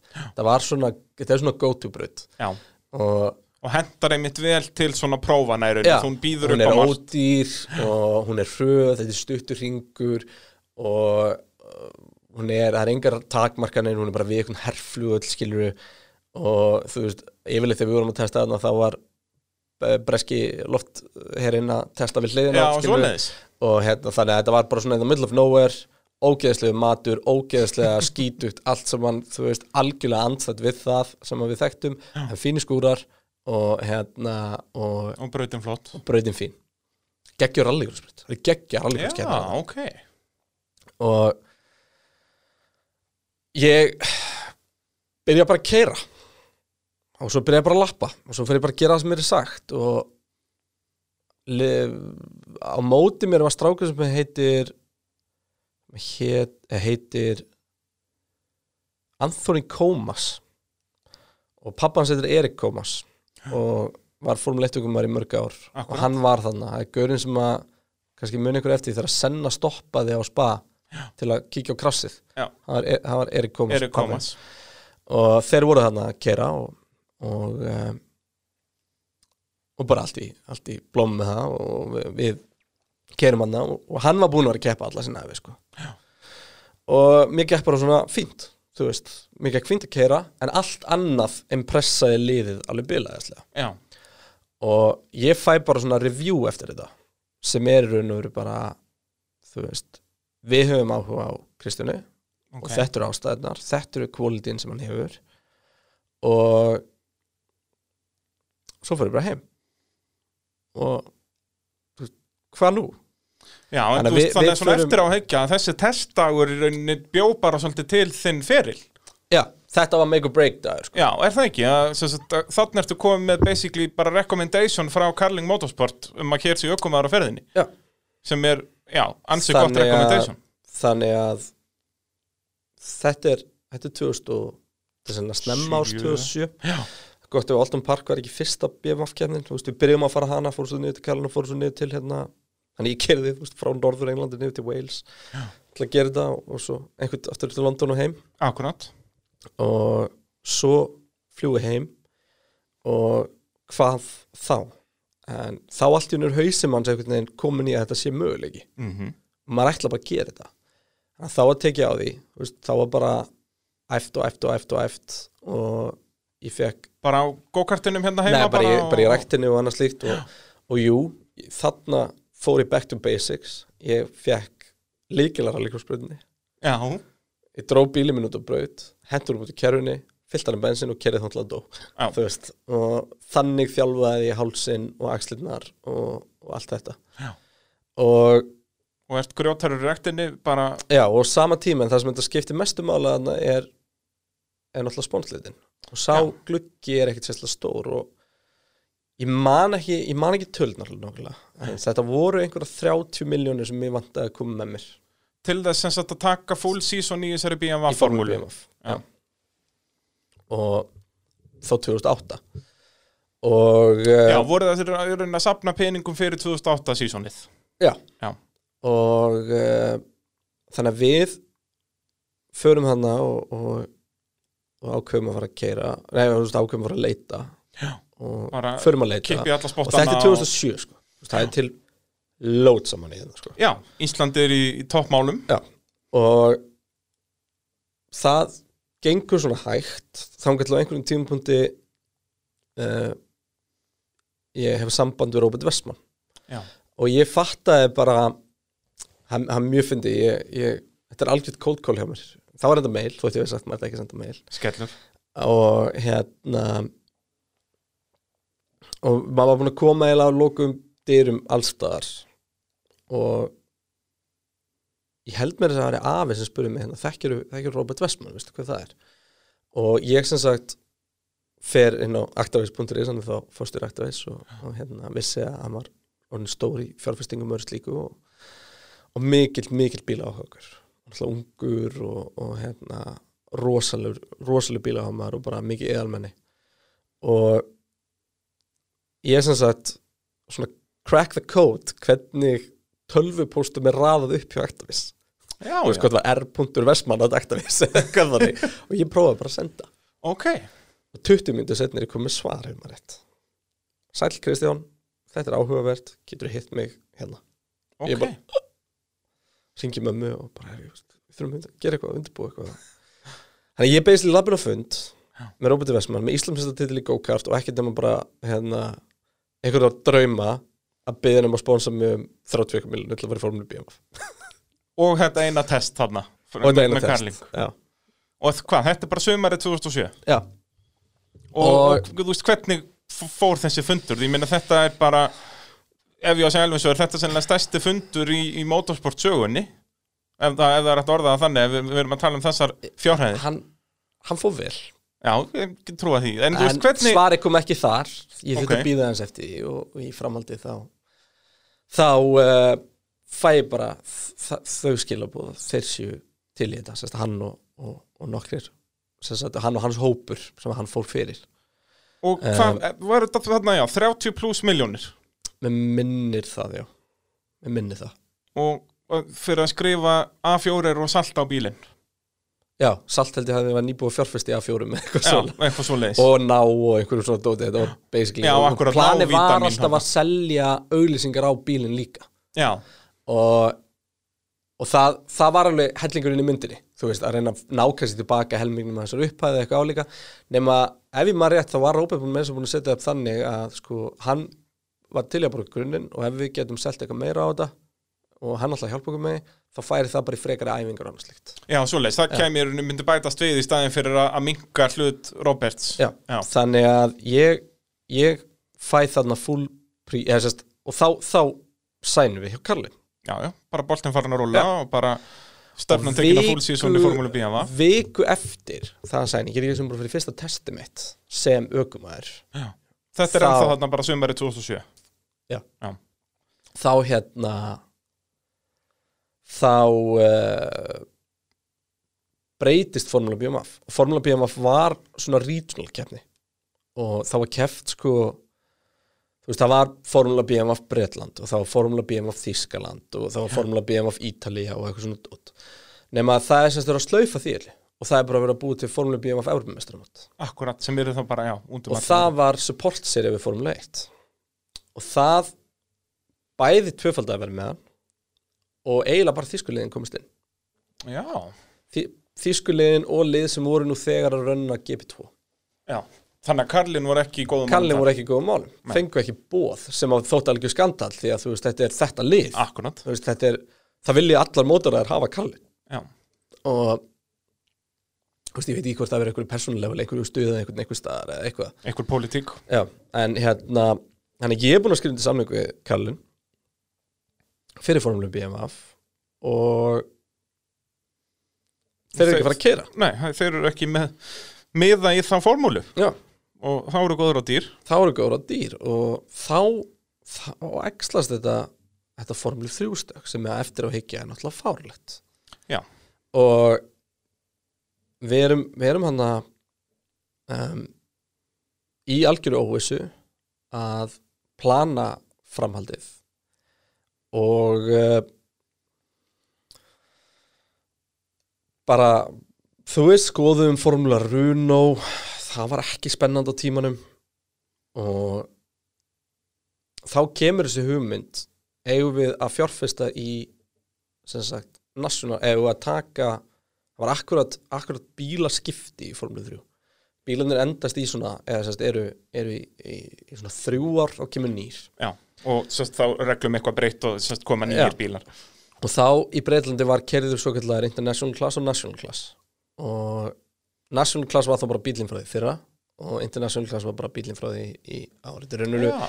virka þannig að sko þú ert með nýjustu fórnum þrjúbílina í Breitlandi Europamestramótinu og, og álíka og svo ferðu faraði nýr í sem sagt, Kópa í Europamestramótinu og National Class í, í hérna En þið keiruð allir saman samt á brautin Þetta er ekki skiptið mismunandi reis. Með með með og þú veist þú eh, sem góður ef þú ert- ef þú ert framúrskarandi nationalklassaukumar þá ert að banka í topp 5 jafnvel í, í Akkurat. hinu. Ja, ég segi það ekki Svona allan topp 10 en þú, þú, þú getur og bara eftir brautum svolítið og eftir bílum náttúrulega bara alveg séu formulega, það kemur nýr bíl hversu mikið hraðar en bílinni fyrra Akkurat og hérna við- svipa vel að spekk og, og þannig að Og náttúrulega allar þessar formúlur sem við erum að tala um að þetta er allt svona það er allir á eins bílum Sérst, þetta er ekki, liðin er ekki Ish. að hanna já, Ish. en þetta því er ekki sko munurinn ástæðan fyrir við horfðum á þennan flokk því að var að munurinn sko á þessum flokki eru flokkinum er að í eru flokkinum þartu svolítið þú veist, hann kost svolítið mikið meira því að þú ert líka fjárfæst í vindgöngunum sko. Já, Karlin það er búið að banna það þarna en hins vegar fæ ég að nota alla bita sem er búið að rönna áður. Ok, þannig að við vorum, að, vorum í vindgöngu, vorum að smíða og vorum að, að hérna, modda þannig að bílinn sem ég var á. Var, var til dæmis bílinn sem að Sebastian Vettel kerði í Macau árun undan. Já, svoleiðis, bara saman bíl og hann var komin í Formule 1 þarna sko. og bara saman bíl þannig að þú veist, var, þetta var bíl sem var búið að alveg passa upp á. Já, já. og um, og uh, þannig að Hven eru þessi ákvörðum þá tekin að að fara í þennan það í, í mér minnir 3? að þetta hafi verið þetta var bara ákveð og tilkynnt á neitt um í februar nei, jú.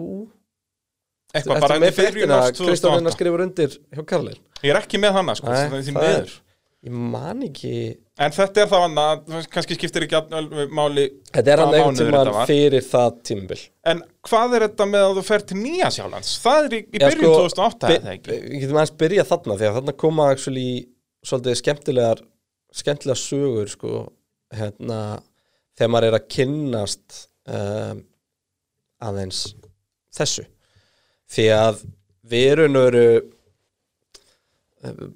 erum mætt þarna og erum komin hann út og það er ákveð hopp yfir, yfir fórnurinn og fara bara beint í þetta. Þannig að náttúrulega vitum við ekkert. Nei. ég vissi ekkert hvernig það virka ég vissi ekkert hvað mótir það hefur verið til nema þessi ég er búin að kynnast. Og Formúlu BMF bílinn versus Formúlu 3 bílinn er ekkert eðlilega ólík græja. Nei, það er náttúrulega aðalmunurinn þar er það ekki er, er sem sagt downforce og það er alveg Jú, vangir sem að gera Formúla- þú- það er alltaf að fara beint og kókast í Formúlu BMF Já, það akkurat. er ekki lægi að fara kókast í Formúlu 3 Já, það er rauninni stærra stökk sko, þó að kannski í afli og svoleiðis eru þeir svona þannig sér svipar, þó að þessi meira afli Formúlu 3 Formúla BMF er kannski bara nærið að vera shifterkart Já, Þannig að stökki í rauninni milli hann að Formúla BMF í Formúla 3 er miklu stærra heldur en bara go-kart í Formúla, BMF Formúla BMF bíli kannski ná svona 170-80 km hraða. Formúlu 3 bíl er ná 300 Já, og Formúlu 3 bíl beigja sem Formúlu 3 bíl tekur á 200 tekur Formúla BMF á 120 já, þú veist.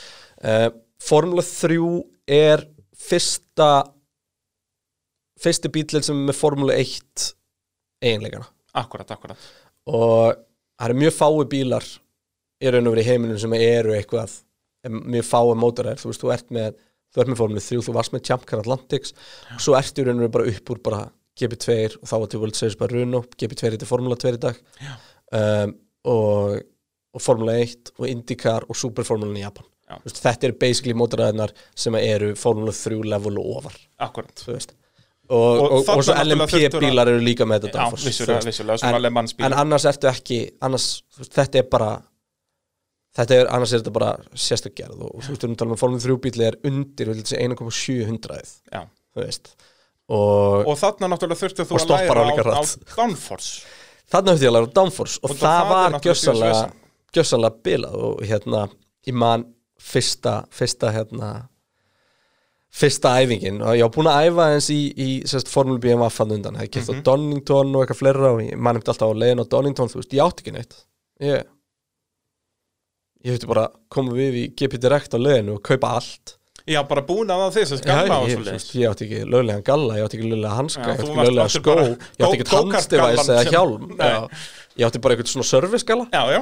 Þannig að þú þurftir að hérna- byrja á að eða einhverjum já, mörgum 10.000 og 100.000 Já, kallum ég í... fekk, fekk þægild vísakortlán Já, hérna, það var, nei, það var bara hluti af, af, af pakkanum, skilur en hérna en þar mætu við og, og hérna og, og náttúrulega bara það sem Róbert gerir þarna fyrir þetta að koma mér bara á þann stað að ég setist upp í bílinni fyrst skiptið sem sænaður formúlu eitthvað aukumæður er eins og þú segir, sennilega stærsti stöðningu í Íslands motorsport bara ever sko. Já, alveg 100% og þar var þú veist þar er bara maður með áhuga og svo jákvæður og svo peppaður og svo veist, innilega áhugasamur í þeirri stöðu til að gera þetta til í að taka eitthvað stök til þess að sjá okkur fara lengra En af hverju hefur þetta aldrei gest fyrir nýja síðar?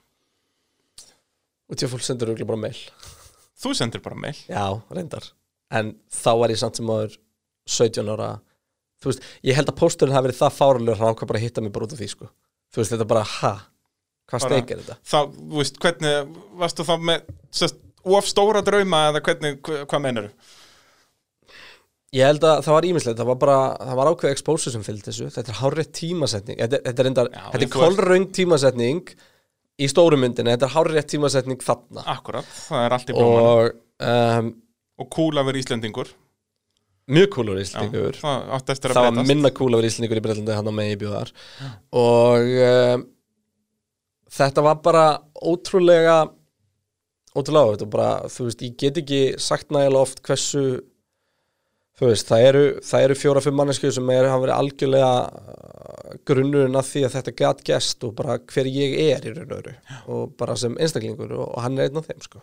Og þarna er mitt fer líka helling svona markas herrferð í gang semst bara að marka setja þig að gera þig að einhverju nafni og, Já, sem að, sko, við þurftum að gera. The Icelander. Já, já, við þurftum markast ykkur úti og við þurftum markast ykkur heima sem að er ekki drauma staða Nei, því að ég ko strax kom með pressuna sko eins og hérna Kitty Björslendi á skíðunum þegar hann nær einu, einu sinni frábærum árangri að þá er bara ætlast að næst líka. Já, já.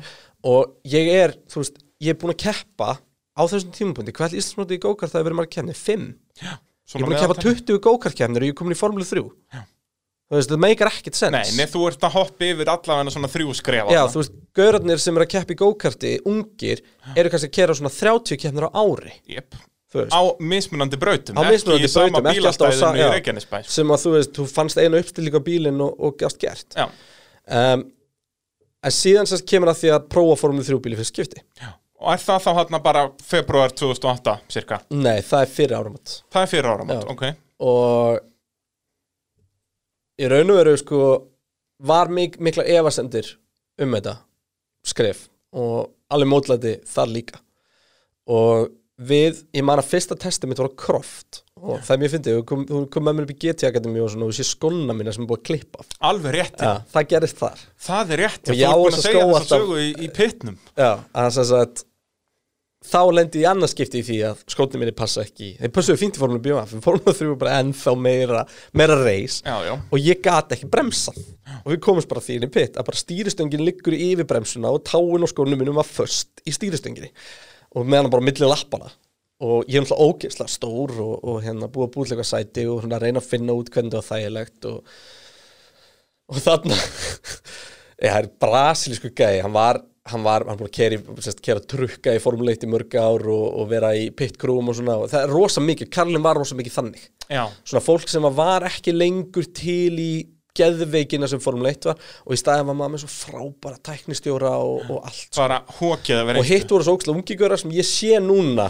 Þetta Já, er þessi mjög gaman að þegar við sjáum inn úr skúrin hjá Mercedes í Formule 1 þá sé ég alltaf einn af görunum mínum sko. Ok. Það er hérna er mjög skemmtilegt Já. bara sem mekanik Þannig að þetta var svona fullkomin blanda hvað það var. Þannig var fólk semst að stíga sín fyrstu skref í þessum geira og svona þessi Að ferilinn, miklu gæri á sem eru konum við fjölskylduna get ekki enn svaka sirkus Já. og eru þá í þessu svona út að þú getur farið heim og á þess, kvöldin þessi gæðar eru náttúrulega bara svolítið svo rótarar hjá rockstunum sko. Já, já, Því að þú veist, 100% þetta, er, þetta, er, þetta er ekki, stíl sko. Það er rosa mikið jams sem fylgir heim og, og hérna, vaka framöndur og vakna snemma og, og hérna og þannlega og, og sem að sannaði sig með þrjum á pembri og þeir eru að allir að drekka Guinness og svona hefð hjöðum eftir, eftir daginn þeir bara, við, þetta er ekki rétt bræða Guinness hér.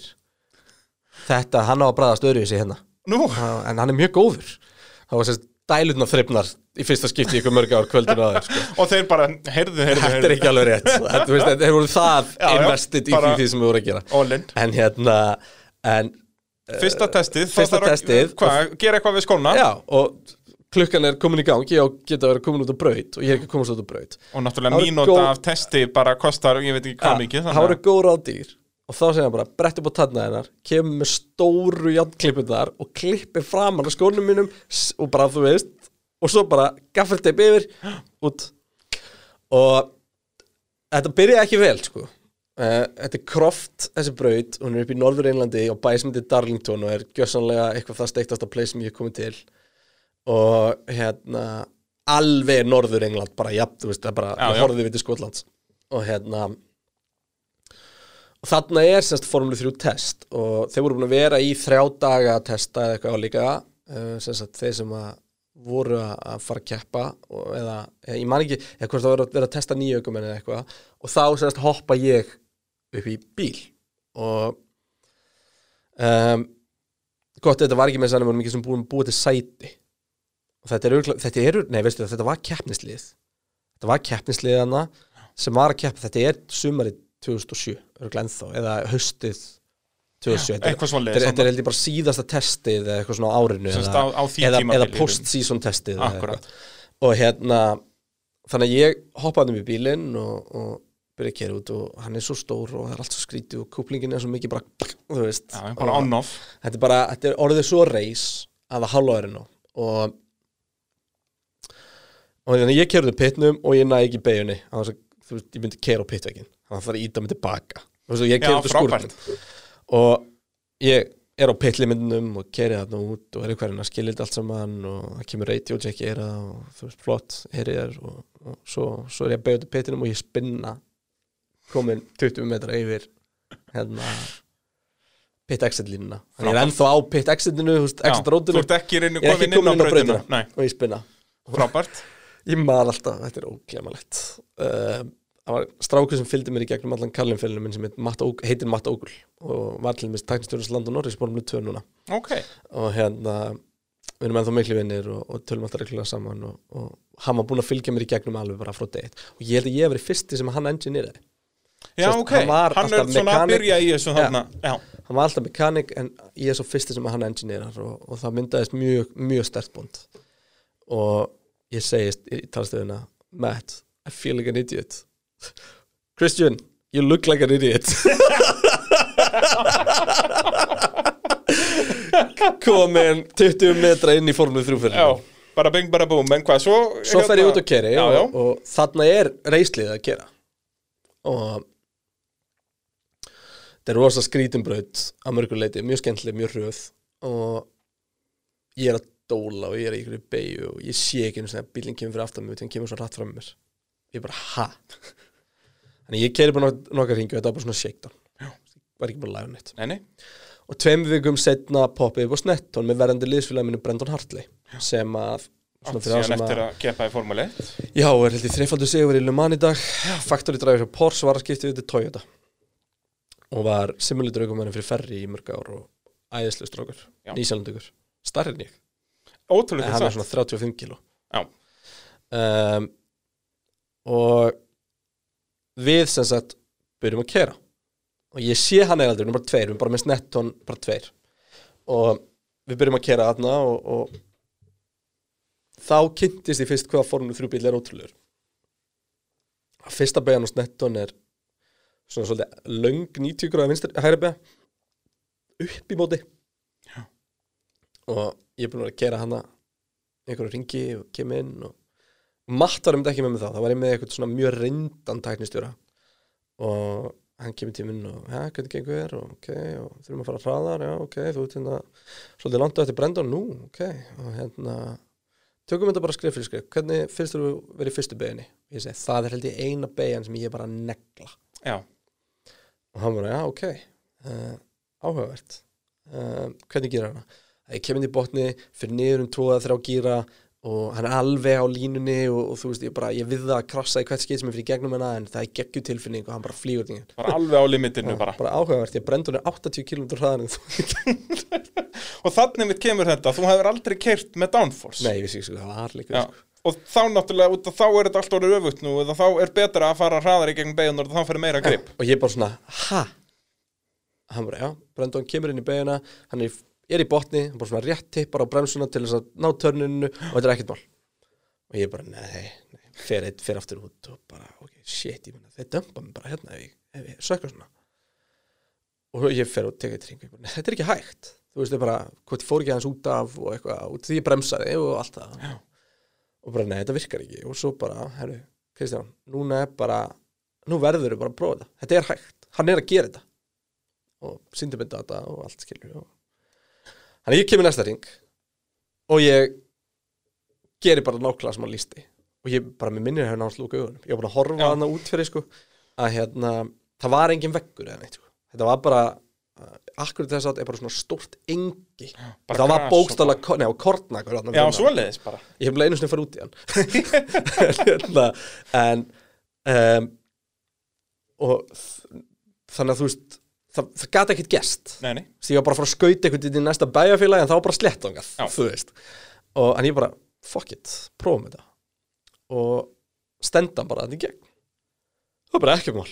Já, og þá breyttist eitthvað í hugsunarhættunum hjá mér þar sem að þú ert með eitthvað ós þú veist, þú keirir í undir með þetta þú keirir ekki yfir með, með, ef þú keirir, yfir með, meðutundinni og hugsa nú ætlum ég að beða hér en nú ætlum ég að beða þarna þá ertu hægur, það þarf allt að gerast automatist þú ert bara, þú ert nánast heila laus með að keira, nema bara þegar þú ert í samskiptunum. Já.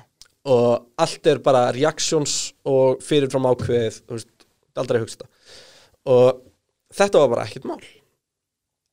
Og þarna þurfti ég að eyða einhverju sem að allur minn axtursferill fram á þessu skildi sem eðlisfræðin sem hægt er að gera á bíl. Já, þurftir að bara dílíta því og nú veistu að þú getur gert þetta. Já, pretty much. Já. Þannig að uh, Þannig að restina af þessu testi gekk bara ágætlega. Restina af þessu testi gekk bara ágætlega og ég var ekkert með mikið testing budget. Nei, nei. Um, Klárið þennan dag og næsta test er Ég man ekki hvort það var eftir jú, Nei, það var eftir. Það var eftir þetta. Við testum eitthvað meira Já, það var eitt testi viðbútt, alveg rétt. Og það var Alton Park, það er skemmtilega það er fyrsta krasum mitt. Alveg rétt. Og hérna og Alton Park er lítið braut fyrir út á Manchester. Og þetta var ískaldur nú á byrjum mánu, ég ætti flug heim morgunin eftir. Og bara að fara heim og vera heim með jólin. Og við erum búin að ákveða að fara til Nýjasons í, í, í januar og ég ætti líka að koma heim og græða keppniskriftinu minn og svona, þú veist, ég var ekki sem í keppniskriftinu og þannig að, að við þannig að ég fyrir að testa Alton Park. Það gekk bara vel og Alton Park er ógæðuslega skemmtileg braut. En það sem var merkildu við þetta að ég krassa sem sagt í hérna, í lók dagsins. Eða bara, það er bara ná sko myrkur þegar ég krassa. Og það var alltaf okkur myrkur þegar bílinn kom aftur upp í upp í, já, eða svona, ekki, beint myrkur þetta verður svona fjög-fimm leiti að, að fara að dimma. Og við vissum við þetta var hættar á okkur tíma þegar var einhver auglýsing að fara að tekja upp hana í einhverja tvo tíma eftir okkur. Og einhvern tíma fyrir um daginn hefði Bugatti Veyron mætti hliðanum þetta, veist, þetta er 2007, ég man ekki hvernig Bugatti Veyron er komin. Jú, ég hefði aldrei áður já, ég hefði aldrei áður þessi Bugatti Veyron og bara wow shit, hvað, Bugatti var þetta gauðlýsingu hérna? Og svo krasa ég. Alveg, svo þetta er harkalega. Já, á mjög öllum staði, dekkjavegin eftir beigju 2 eða við kæft hana í sérst, vinstripa kemur niður brekku vinstripa og ég er svona að klippa aðeins grasa á utanverðinu og fyrir dekkjaveggin á innanverðinu og ég spinn niður bröðina og rústa þessu stað. Já. það var þetta akkurat tökustæðarinn Akkurat það var svona smá segja það var svona áhugur Já, dekkut um allt og, og hérna og gras út um allt og, og, og nema það sem að ég vissi ekki og þannig að þegar ég kemdi baka þá var all liðið mitt ansi starströkk og þá sagt, er bílið minn komin til ég þurfti að fara í medical center í eitthvað jack og hérna og þá tekur Cristiano Ronaldo mútið mér. Og mjög pyrraður umbósmaður og leikstjóri. Já. og ég var sérst búin að skemma tökustað fyrir Nike og Cristiano Ronaldo. Þannig er þarna að fara að hlaupa eitthvað að keppa upp í gætt í verðun í Nike-auðlýsingu og uh, já, þetta var mjög áhugavert. Já, ég kan trúa því. Og uh, ég var ekki búin að ekki búin að vera lengi í þessu því fokkaði ykkur upp. Já, og, og, og fokkaði þið upp fyrir Cristiano Ronaldo, það er ekki margir sem lendir því. En hérna uh, síðan, síðan fyrir við bara heim. Já, já.